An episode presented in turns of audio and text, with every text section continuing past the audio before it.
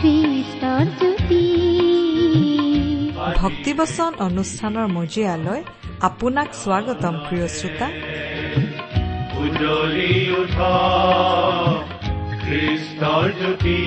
প্ৰিয় শ্ৰোতা ভক্তিবচন অনুষ্ঠানত আপোনাক পুনৰ লগ পাই আমি নথৈ আনন্দিত। আশা কৰোঁ এই অনুষ্ঠানত প্ৰচাৰ হোৱা বাক্যসমূহে আপোনাৰ ব্যক্তিগত জীৱনত অলপ হলেও সহায় কৰিছে। ঈশ্বৰ এগৰাকী সৰ্বশক্তিশালী ব্যক্তি। তেওঁ পৃথিৱী আকাশমণ্ডল আৰু সৌৰজগতৰ সকলোকে নিজৰ ইচ্ছাৰে আৰু পৰাক্ৰমেৰে শৃংখলাবদ্ধভাৱে স্থিৰ কৰি থৈছে। তেওঁ প্ৰতিটো বিষয়কে একো একোটা নিয়মৰ অৰ্থাৎ নিজ নিজ সীমাৰ অন্তৰ্ভুক্ত কৰি ৰাখিছে। সেইকাৰণে সকলোবোৰ সুন্দৰকৈ চলি আছে। সেইবোৰৰ এটা বিষয়েও যদি নিজ নিয়মক চেৰাই যাবলৈ ধৰে তেন্তে সকলোবোৰ খেলি মেলি অৰ্থাৎ ধ্বংস হ'ব। আমাৰ জীৱনবোৰো তেনেকুৱা। আপোনাৰ মোৰ জীৱনটোকো ঈশ্বৰে বৰ সুন্দৰকৈ শৃংখলাবদ্ধভাৱে মংগলৰ আঁচনিৰে সজাই ৰাখিছে। ঈশ্বৰৰ পৰাক্ৰমী সুৰক্ষাৰ তলত আপোনাৰ জীৱন সদায় সুৰক্ষিত। তেওঁত আশ্ৰয় ললে। আপুনি জীৱনৰ প্ৰকৃত আনন্দ বিচাৰি পাব। তেওঁৰ বাক্যই আপোনাক তেওঁৰ বিষয়ে আৰু অধিককৈ জানিবলৈ সহায় কৰাৰ আশাৰে এয়া আপোনালৈ আগবঢ়াইছো ভক্তি বচন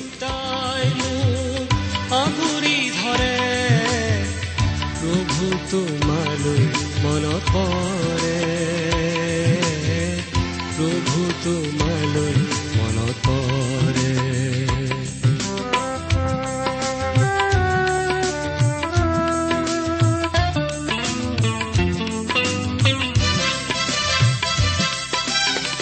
তুমিয়েই দিলা মোক জীৱনৰ অৰ্থ জীয়াই থকাৰ লক্ষ্য তুমিয়েই দিলা মোক জীৱনৰ অৰ্থ জীয়াই থকাৰ লক্ষ্য। এই জীৱনৰ সিপাৰে থকা অনন্ত জীৱনৰ বাক্য। হৃদয় উপচে মোৰ কৃতজ্ঞতাৰে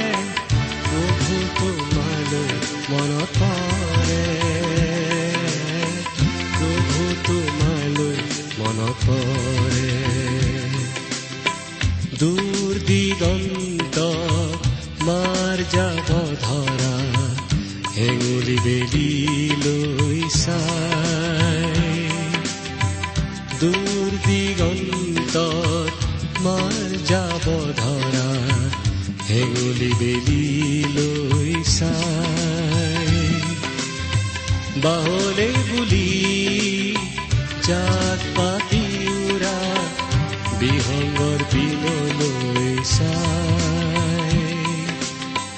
হৃদয় উঠলে বুজা বেগেৰে প্ৰভু তোমালৈ মনত পৰে।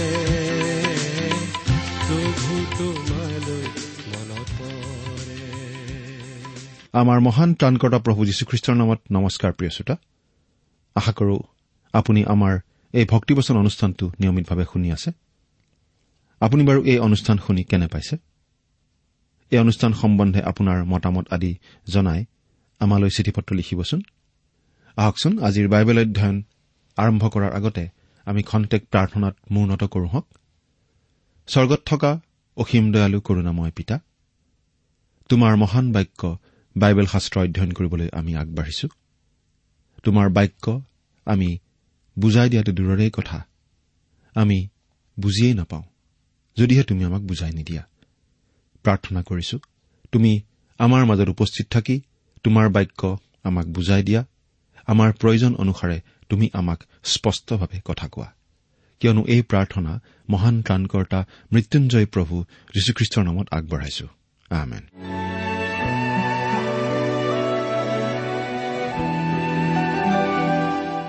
প্ৰিয় শ্ৰোতা আপুনি আমাৰ এই ভক্তিপোচন অনুষ্ঠানটো যদি নিয়মিতভাৱে শুনি আছে তেনেহলে আপুনি নিশ্চয় জানে যে আমি আজি ভালেমান দিন ধৰি বাইবেলৰ পুৰণি নিয়ম খণ্ডৰ উপদেশক নামৰ পুস্তকখন অধ্যয়ন কৰি আছিলো আৰু ইতিমধ্যে আমি ভালেখিনি দূৰ আগুৱাই আহিলো।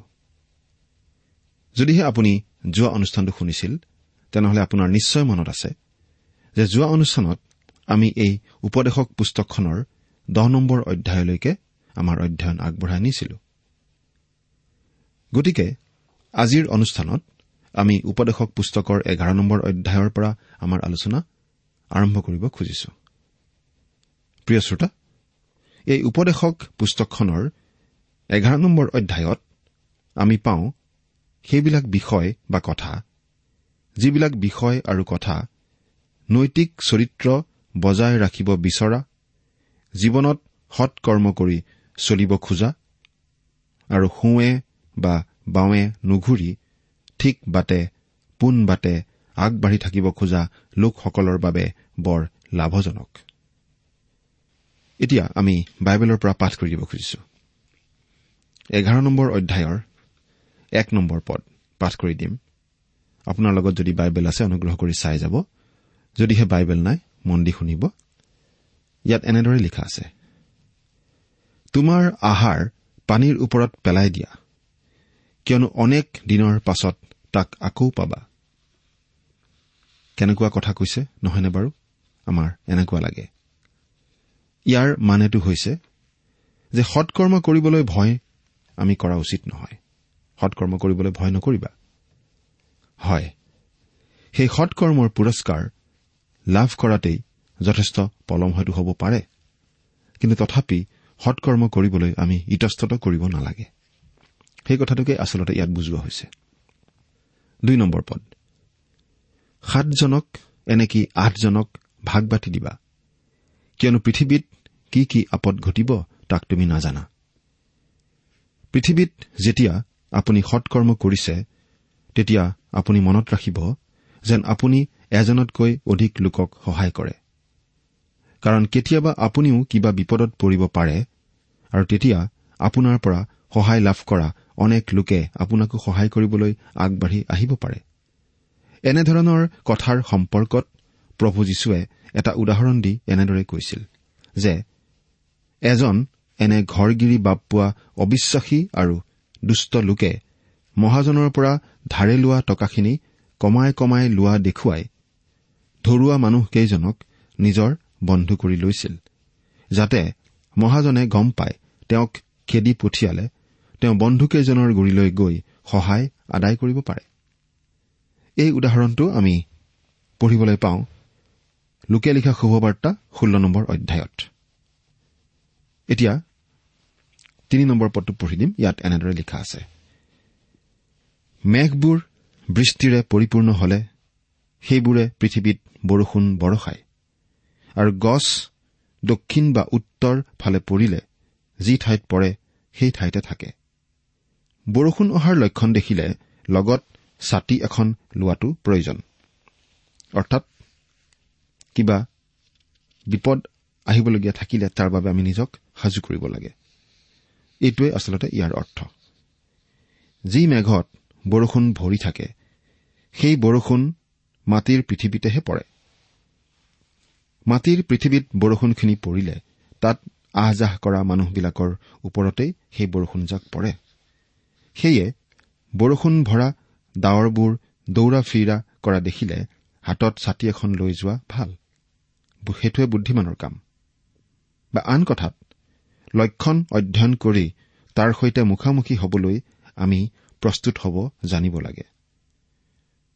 তাৰ পাছত পদটোত কোৱা হৈছে যে ডাঙৰ গছ এজোপা কাটি বগৰালে বগৰোৱা ভাগেই বগৰোৱা ঠাইতেই থাকে তাক লৰচৰ কৰা বৰ টান। ইয়াৰ যোগেৰে আচলতে বাৰু কি বুজোৱা হৈছে? ইয়াৰ যোগেদি এইটো ক'ব খোজা হৈছে যে কিবা এটা ডাঙৰ কাম কৰিবলৈ যোৱাৰ পূৰ্বে পৰিস্থিতিটো ভালদৰে আমি বুজি ল'ব লাগে। কাৰণ পৰিস্থিতিটো বুজি লোৱাৰ পূৰ্বে যধে মধে কামটো কৰিবলৈ যোৱাৰ পাছত নকৰো বুলিও কোৱা টান হয়। আনহাতে কৰি সম্পূৰ্ণ কৰিবলৈকো টান হৈ পৰে। এইটোৱেই ইয়াৰ উদ্দেশ্য। পদ। যিজনে বতাহলৈ চাই তেওঁ কঠীয়া নিসিঁচিব। আৰু যিকোনোৱে মেঘলৈ দৃষ্টি কৰে তেওঁ শস্য নাদাব। তাৰমানে বাৰু কি? অৰ্থাৎ আপুনি যি কৰে তাক জ্ঞানীভাৱে কৰিব। কোনো মানুহে যদি গুটি সিঁচিব খোজে তেন্তে তেওঁ বতাহ বন্ধ হোৱালৈ বাট চাওক। কোনো মানুহে যদি শস্য দাব খোজে তেন্তে বৰষুণ গুৰগুৰাই থাকোতে সেই কাম কৰিবলৈ আৰম্ভ নকৰিব। পদ। বতাহৰ গতি আৰু গৰ্ভৱতীৰ গৰ্ভত থকা হাড়বোৰৰ বৃদ্ধি যেনেকৈ তোমাৰ বোধৰ অগম্য তেনেকৈ সৰ্বসাধক ঈশ্বৰৰ কাৰ্যও তোমাৰ বোধৰ অগম্য। মাতৃগৰ্ভত সন্তানে স্থিতি লোৱা আৰু সেই সন্তানটি জন্ম পোৱা। গোটেই প্ৰণালীটো আজিও বৰ ৰহস্যজনক। তাতকৈও ৰহস্যজনক মানুহ এজন আধ্যামিকভাৱে নতুনকৈ জন্ম পোৱা ঘটনাটো। এই কামটো পবিত্ৰ আত্মাই কেনেকৈ যে কৰে তাক আমি ক'ব নোৱাৰো। প্ৰভু যীশুৱে তাকেই কৈছে। তেওঁ এই বুলি কৈছিল বায়ুৱে যে দিশলৈ ইচ্ছা কৰে সেই দিশলৈ বয় আৰু তুমি তাৰ শব্দ শুনিবলৈ পোৱা। কিন্তু সি ক'ৰ পৰা আহে কলৈ যায় তাক তুমি নাজানা।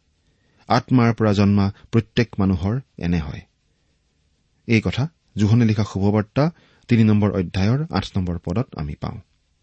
এনেকৈয়ে বহুবিলাক বিষয় আৰু কথা আছে যিবোৰ বিষয় আৰু কথাৰ বিষয়ে আমি নাজানো যিবোৰ আমি নুবুজো। আনকো বুজাই দিব নোৱাৰো। তাৰমানে এই পদটোৰ অৰ্থ হৈছে যে আমি নজনা বিষয় বা কথাই যেন আমি জনা বিষয় বা কথাত কোনো বিঘিনি নজন্মায় উদাহৰণস্বৰূপে চাওকচোন যে যিকোনো মানুহ এজনেই চকী এখনত বহিব জানে কিন্তু সেই চকীখনৰ বিষয়ে সকলো কথা তাৰ ওপৰত বহা মানুহজনে নাজানে।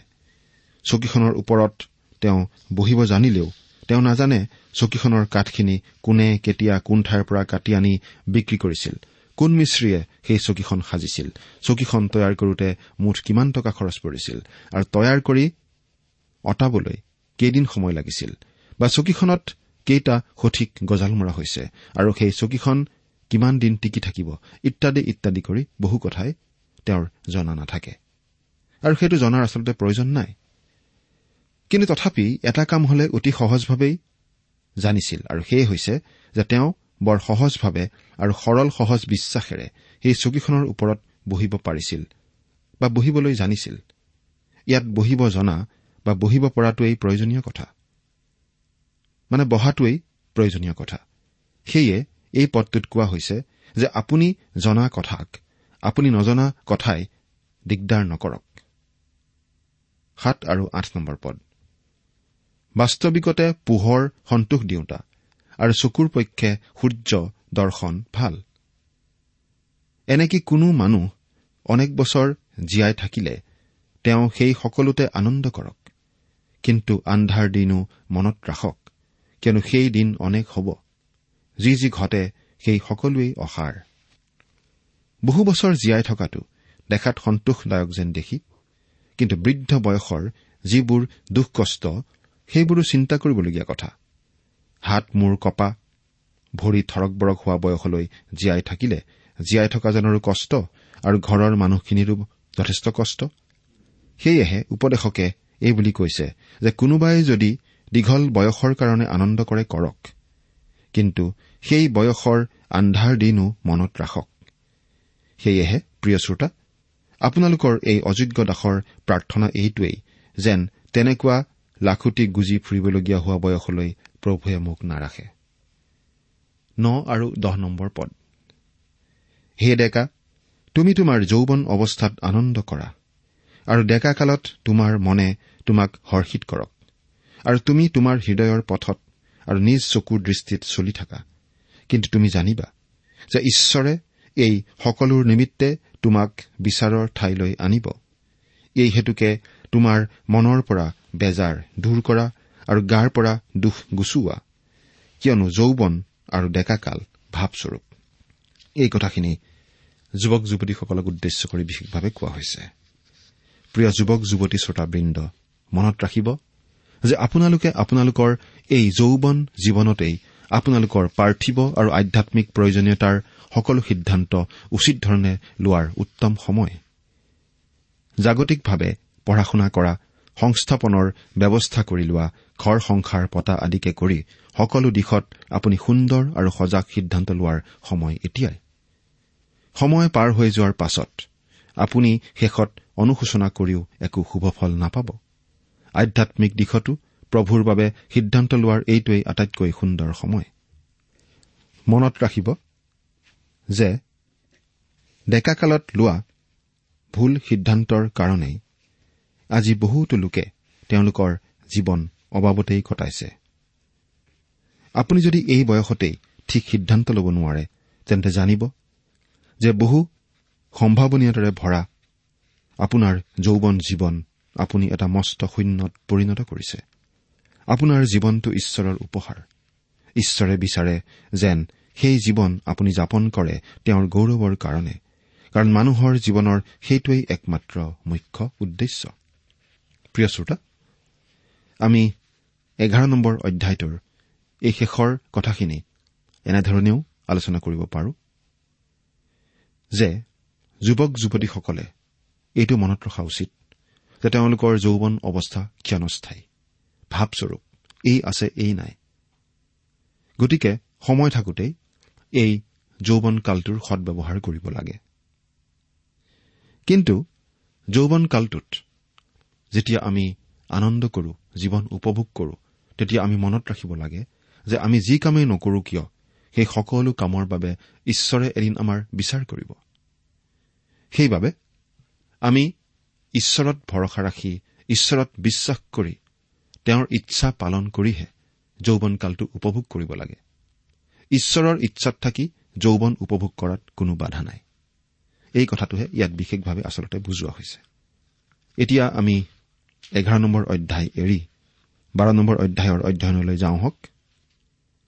আমি ইয়াৰ আগৰ অধ্যয়নসমূহত দেখা পাই আহিলো যে ৰজা চলোমনে জীৱনৰ সন্তুষ্টিকৰণ আৰু শান্তিৰ বাবে কেনেকৈ ঈশ্বৰক বাদ দি ন দহটামান ডাঙৰ ডাঙৰ গভীৰ গভীৰ বিষয় পৰীক্ষা কৰি চাইছিল। কিন্তু তেওঁ জীৱনৰ সন্তুষ্টি বা জীৱনৰ অৰ্থ বিচাৰি পোৱা নাছিল। প্ৰকৃতি বিজ্ঞান জ্ঞান দৰ্শনবিদ্যা লাহবিলাহ প্ৰাচুৰ্যতা মুকলিমূৰীয়া জীৱন ধৰ্ম ব্যৱস্থা টকা পইচা ধন সম্পত্তি নৈতিকভাৱে যাপন কৰা জীৱন আদি কৰি এই আটাইবিলাকৰ মাজেৰে তেওঁ জীৱনৰ সন্তুষ্টিৰ অনুসন্ধান কৰি চাইছিল। কিন্তু এই বিভিন্ন ব্যৱস্থাবিলাকৰ কোনোটোৱেই তেওঁৰ জীৱনত সন্তুষ্টিৰ সন্ধান দিব নোৱাৰিলে। তেওঁ সুখ বিচাৰি নাপালে।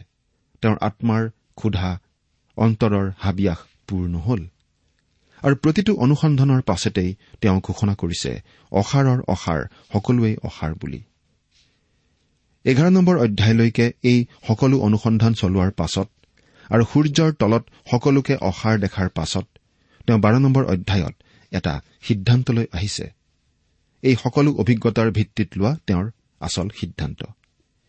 এই অধ্যায়টোত তেওঁ যুৱক যুৱতীসকলক এটা সৰ্বোত্তম সিদ্ধান্ত এই বয়সতেই ল'বলৈ কৈ কিয় এই বয়সতেই সেই সিদ্ধান্ত লোৱা প্ৰয়োজন তাৰ ব্যাখ্যা কৰিবলৈ গৈ বৃদ্ধ মানুহৰ অৱস্থাৰ ক্ষেত্ৰত বৰ কাব্যিক বৰ্ণনা এটা দাঙি ধৰিছে। কিন্তু এই বৃদ্ধকালৰ অচল অৱস্থাৰ বৰ্ণনা বৃদ্ধ লোকসকলক শিক্ষা দিবলৈ নহয় বৰং যুৱক যুৱতীসকলক শিক্ষা দিবলৈহে এনে কাব্যিক অথচ অতি সত্যভাৱে দাঙি ধৰা হৈছে। এতিয়া আমি বাৰ নম্বৰ অধ্যায়ৰ এক নম্বৰ পদটো পঢ়ি দিছো। যি দুখৰ দিন আৰু বছৰ কেইটাৰ বিষয়ে তুমি কবা এইবোৰত মোৰ সন্তোষ নাই ৰজা চলোমনে বৃদ্ধকালৰ বৰ্ণনা এইদৰেই আৰম্ভণ কৰিছে। বৃদ্ধকালত দিনবোৰ দুখৰ আৰু বছৰবোৰ কষ্টকৰ হৈ আহিব। জীয়াই থকাটো সন্তোষজনক হৈ নৰয়। আগৰ সুখ সম্ভোগবিলাকো আৰু বৃদ্ধ অৱস্থাত তেনেকুৱা লোভনীয় হৈ নাথাকে সন্তোষজনক হৈ নাথাকে। দুই নম্বৰ পদ। ঘৰ ৰখীয়াবিলাক কঁপিব বলৱন্ত মানুহবিলাক দোঁ খাব জাত পিহা তিৰোতাবোৰ তাকৰ হোৱাত পিহিবলৈ এৰিব খিৰিকী দুৱাৰেদি চাওঁতাবিলাক অন্ধকাৰময় হ'ব। এগৰাকী বৃদ্ধ ব্যক্তিৰ ক্ষেত্ৰত কি যে কাব্যিক বৰ্ণনা এয়া নহয়নে বাৰু প্ৰিয় শ্ৰোতা? এয়া বৃদ্ধ মানুহৰ শাৰীৰিক অৱস্থাৰ বৰ্ণনা। বৃদ্ধ মানুহৰ শৰীৰৰ এই ঘৰ ৰখীয়াবিলাকনো কোন এই ঘৰ ৰখীয়াবিলাক মানে হৈছে বৃদ্ধ মানুহজনৰ ভৰি দুখন। হয় বৃদ্ধ মানুহৰ ভৰি দুখন থৰক বৰক হয়। সমান মাটিতে উজুতি খায়। কিছুমান বৃদ্ধ লোক আছে যিসকলে বৃদ্ধ নোহোৱাৰ নাটক কৰিব খোজে। কিন্তু তেওঁলোকে নাটক কৰিলেও তেওঁলোকৰ ভৰি দুখনে সহযোগ নকৰে। এজন বাইবেল শিক্ষকে এনেদৰে নিজৰ অভিজ্ঞতাৰ কথা কৈছিল। আপোনালোকৰ এই অযোগ্য দাসো এতিয়া বৃদ্ধ দাস। অলপতে মোৰ ভাগিনী ছোৱালী এজনীৰে সৈতে মানুহ এঘৰলৈ গৈছিলো। কিছু চুটি বাটেৰে যাবলৈ হলে পাহাৰীয়া বাটটোৰে যাব লাগে আৰু এটা পাথৰময় গৰা বগাই নামি যাব লাগে। ছোৱালী মানুহ হলেও শৰীৰৰ ভাৰসাম্য ঠিক থকা ভৰিত বল থকা জঁপিয়াব পৰা সামৰ্থ্য থকা ভাগিনী ছোৱালীজনীয়ে সেই কাংগাৰুৰ জাপ দি দি দ গৰাটোৰ তললৈ নামি গৈছিল। কিন্তু এই বৃদ্ধই কি কৰিছিল জানেনে? ইয়াত ধৰি তাত ধৰি চুচৰি চুচৰি নামিবলৈ বহুপৰ চেষ্টা কৰিছো। আঁঠু দুটা ফৰক বৰকৈ কঁপিছেহে কঁপিছে। সঁচাকৈ সৰ্বশৰীৰ জোকাৰ খাই যোৱাকৈ কঁপিছে। পাছত দেখিলো কঁপি কঁপি তললৈ চুচৰি পৰিছোগৈ। অলপ দুখ পালো যদিও একো বিশেষ ক্ষতি নহল। এৰা প্ৰিয় শ্ৰোতা আঁঠুৰ বলত নহয়। সেয়া ঈশ্বৰৰ বিশেষ অনুগ্ৰহৰ বলতহে সেইদিনা সেই ব্যক্তিজনে আঘাত নাপালে। তাৰ পাছত বৃদ্ধ মানুহজনৰ শাৰীৰিক অৱস্থাৰ বৰ্ণনা দি উপদেশকে ইয়াত কৈছে যে বলৱন্ত মানুহবিলাক দোঁ খাব। বৃদ্ধ মানুহৰ শৰীৰত কোন এই বলৱন্ত মানুহবিলাক? হয় বৃদ্ধ মানুহজনৰ কঁকাল পিঠি পোন ডিঙি ইত্যাদিবিলাক। বৃদ্ধৰ কঁকালত পিঠিৰ ৰাজহাড়ডালত আৰু ডিঙিত বল নোহোৱা হৈ আহে। কঁকাল লাহে লাহে পৰি আহে পিঠি লাহে লাহে ভাজ লাগে। তাৰ পাছত কোৱা হৈছে যে জাত পিহা তিৰোতাবিলাক তাকৰ হোৱাত জাত পিহিব এৰিছে। বৃদ্ধৰ শৰীৰত এই জাত পিহা তিৰোতাবিলাকনো কোন? হয় বৃদ্ধৰ মুখৰ ভিতৰত থকা দাঁত দুপাৰীয়েই হৈছে জাত পিহা সেই তিৰোতাবিলাক। ত্ৰিশ বত্ৰিশজনী জাত পিহা তিৰোতাবিলাক তাকৰ হৈ হৈ বৃদ্ধকালত যেনে তেনে দহ বাৰটামানহে থাকেগৈ। অৱশ্যে বহুতৰ তাৰ আগতেই কমি কমি নোহোৱা হ'ব ধৰে। তাৰ পাছত বৃদ্ধৰ শাৰীৰিক অচল অৱস্থাৰ কথা কৈ এই বুলি কোৱা হৈছে যে খিৰিকী দুৱাৰেদি চাওঁতাবিলাক অন্ধকাৰময় হ'ব। কিন্তু বৃদ্ধৰ শৰীৰৰ খিৰিকী দুৱাৰেদি চাই অন্ধকাৰময় হোৱা সেইবিলাকনো কোন? বৃদ্ধৰ শৰীৰৰ চকুহালেই সেইবিলাক। বৃদ্ধকালত চকুৰে আৰু ভালদৰে মনিব নোৱাৰা হয়। এই বৃদ্ধয়ো সেই কথা বৰ উপলব্ধি কৰিছো বুলি এজন লোকে মন্তব্য দিছিল। তেওঁ এনেদৰে কৈছিল মোৰ এতিয়াও মনত আছে চকুৰে ভালদৰে মনিব নোৱাৰি মোৰ স্বৰ্গীয় দেউতাই মোৰ ভেনিহিদেউ তেখেতৰ নিজৰ জোঁৱাইককেই কেনেকৈ এবাৰ হেৰি বিয়ৈ বুলি মাতি স্বৰ্গীয়া পূজনীয়া মাৰ ভাল গালি খাইছিল। বাটৰ ফালৰ দুৱাৰ বন্ধ হ'ব। যি কালত জাঁতৰ শব্দ অতি সৰু হ'ব এটি চৰাইৰ মাততে মানুহ উঠিব। গায়িকাবিলাকে সৰু মাতেৰে গাব। বাটৰ ফালৰ দুৱাৰ বন্ধ হোৱা মানে বৃদ্ধই আৰু ভালদৰে নুশুনা হ'ব। এবাৰ তেনেকুৱা দুজন বৃদ্ধ লগ পোৱাপুই হৈছিল। প্ৰথমজনে দ্বিতীয়জনক সুধিলে হেৰি বজাৰলৈ যায় নেকি? দ্বিতীয়জনে কলে নহয়হে বজাৰলৈহে যাবলৈ ওলাই আহিছো। তেতিয়া প্ৰথমজনে কলে অ' মই আকৌ আপুনি বজাৰলৈ যায় বুলিহে ভাবিছিলো। এয়া হৈছে বৃদ্ধৰ বাটৰ ফালৰ দুৱাৰ বন্ধ হোৱা শাৰীৰিক অৱস্থাৰ চিন। অৰ্থাৎ বৃদ্ধ লোকে কাণেৰে ভালকৈ নুশুনা হ'ব। তিৰোতাসকলে যেতিয়া জাত পিহে তেতিয়া বৰ শব্দ হয়। কিন্তু বৃদ্ধৰ কাৰণে সেয়া অতি কম শব্দৰ নিচিনা হয়। তাৰ পাছত কোৱা হৈছে যে এটি চৰাইৰ মাততেই মানুহ উঠিব। কাণেৰে শুনি পাই যে সাৰ পাই উঠিব সেয়া নহয় কিন্তু বৃদ্ধকালত ভাল টোপনি নহা হ'ব। অনবৰতেই অতিপাতভাৱে সজাগ সচেতন হৈ থকাৰ ফলতেই এই অৱস্থা হয়। কোনো শব্দ নহলেও কিবা শব্দ হোৱা বুলি বৃদ্ধই ভাবে। গায়িকাবিলাকে সৰু মাতেৰে গাব মানে তেওঁৰ নিজৰো গলাৰ পৰা জোৰ মাত নোলাব। নিজে গান গাব নোৱাৰা হৈ আহিব। তেওঁ গীতেৰে প্ৰভুৰ প্ৰশংসা কৰাৰ পৰিৱৰ্তে মনেৰে প্ৰাণেৰে হৃদয়েহেৰেহে প্ৰভুৰ প্ৰশংসা কৰিবলগীয়া হ'ব। পদ। যি কালত ওখ ঠাই পালেই মানুহে ভয় খাব। বাটত নানা ত্ৰাসজনক বস্তু পাব। বাদাম গছ ফুলিব। ফৰিঙেই ভাৰ যেন বোধ হ'ব। আৰু অবিয়নো গছৰ গুটি গুণ নধৰিব। কিয়নো মানুহ তেওঁৰ অনন্ত ঘৰলৈ যাব লগা হয় আৰু বিলাপ কৰোতাবিলাক বাটত ফুৰে। বৃদ্ধ বয়সত আক্ষৰিক অৰ্থতেই ওখ ঠাইবোৰ ভয়ৰ ঠাই। ভৰি কপে মূৰ ঘূৰাই আৰু সেইদৰে তেওঁলোক পৰি বহু সময়ত হাত ভৰি ভাঙে। কষ্টৰ ওপৰতেই কষ্ট পায়।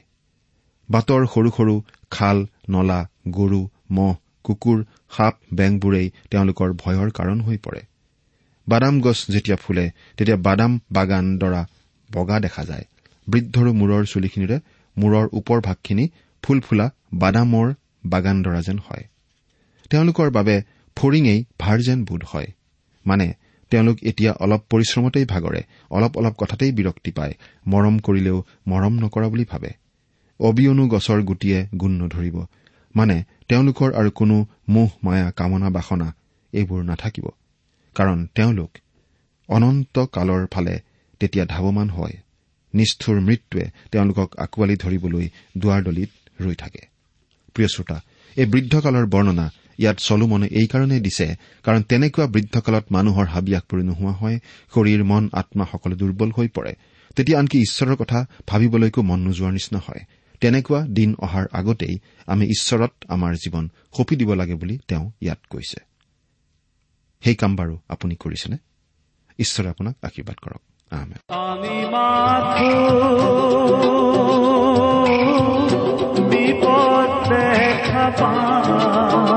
ইমান পৰে আপুনি ঈশ্বৰৰ বাক্যৰ পৰা শিক্ষা শুনিলে। এই বিষয়ে আপোনাৰ মতামত জানিবলৈ পালে আমি নথৈ আনন্দিত হ'ম। আমি প্ৰস্তুত কৰা বাইবেল অধ্যয়নৰ চিডিসমূহ পাব বিচাৰিলে আৰু অনুষ্ঠানত প্ৰচাৰ কৰা কোনো কথা বুজিব লগা থাকিলেও আমালৈ লিখক। আমাৰ যোগাযোগৰ ঠিকনা ভক্তিবচন ট্ৰান্সৱল ৰেডিঅ' ইণ্ডিয়া ডাক বাকচ নম্বৰ সাত শূন্য গুৱাহাটী সাত আঠ এক শূন্য শূন্য এক। ঠিকনাটো আকৌ এবাৰ কৈছো ভক্তিবচন ট্ৰান্সৱল ৰেডিঅ' ইণ্ডিয়া ডাক বাকচ নম্বৰ সাত শূন্য গুৱাহাটী সাত আঠ এক শূন্য শূন্য এক। আমাৰ ইমেইল এড্ৰেছটো হৈছে Assamese T TV at the rate radio' eight eight two dot com.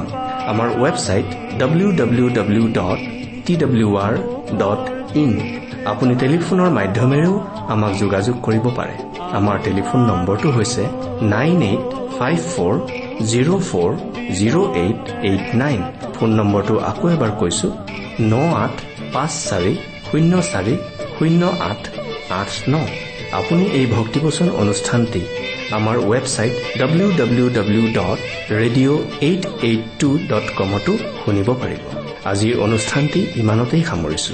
ঈশ্বৰৰ শান্তি আৰু অনুগ্ৰহ আপোনাৰ লগত থাকক। ধন্যবাদ।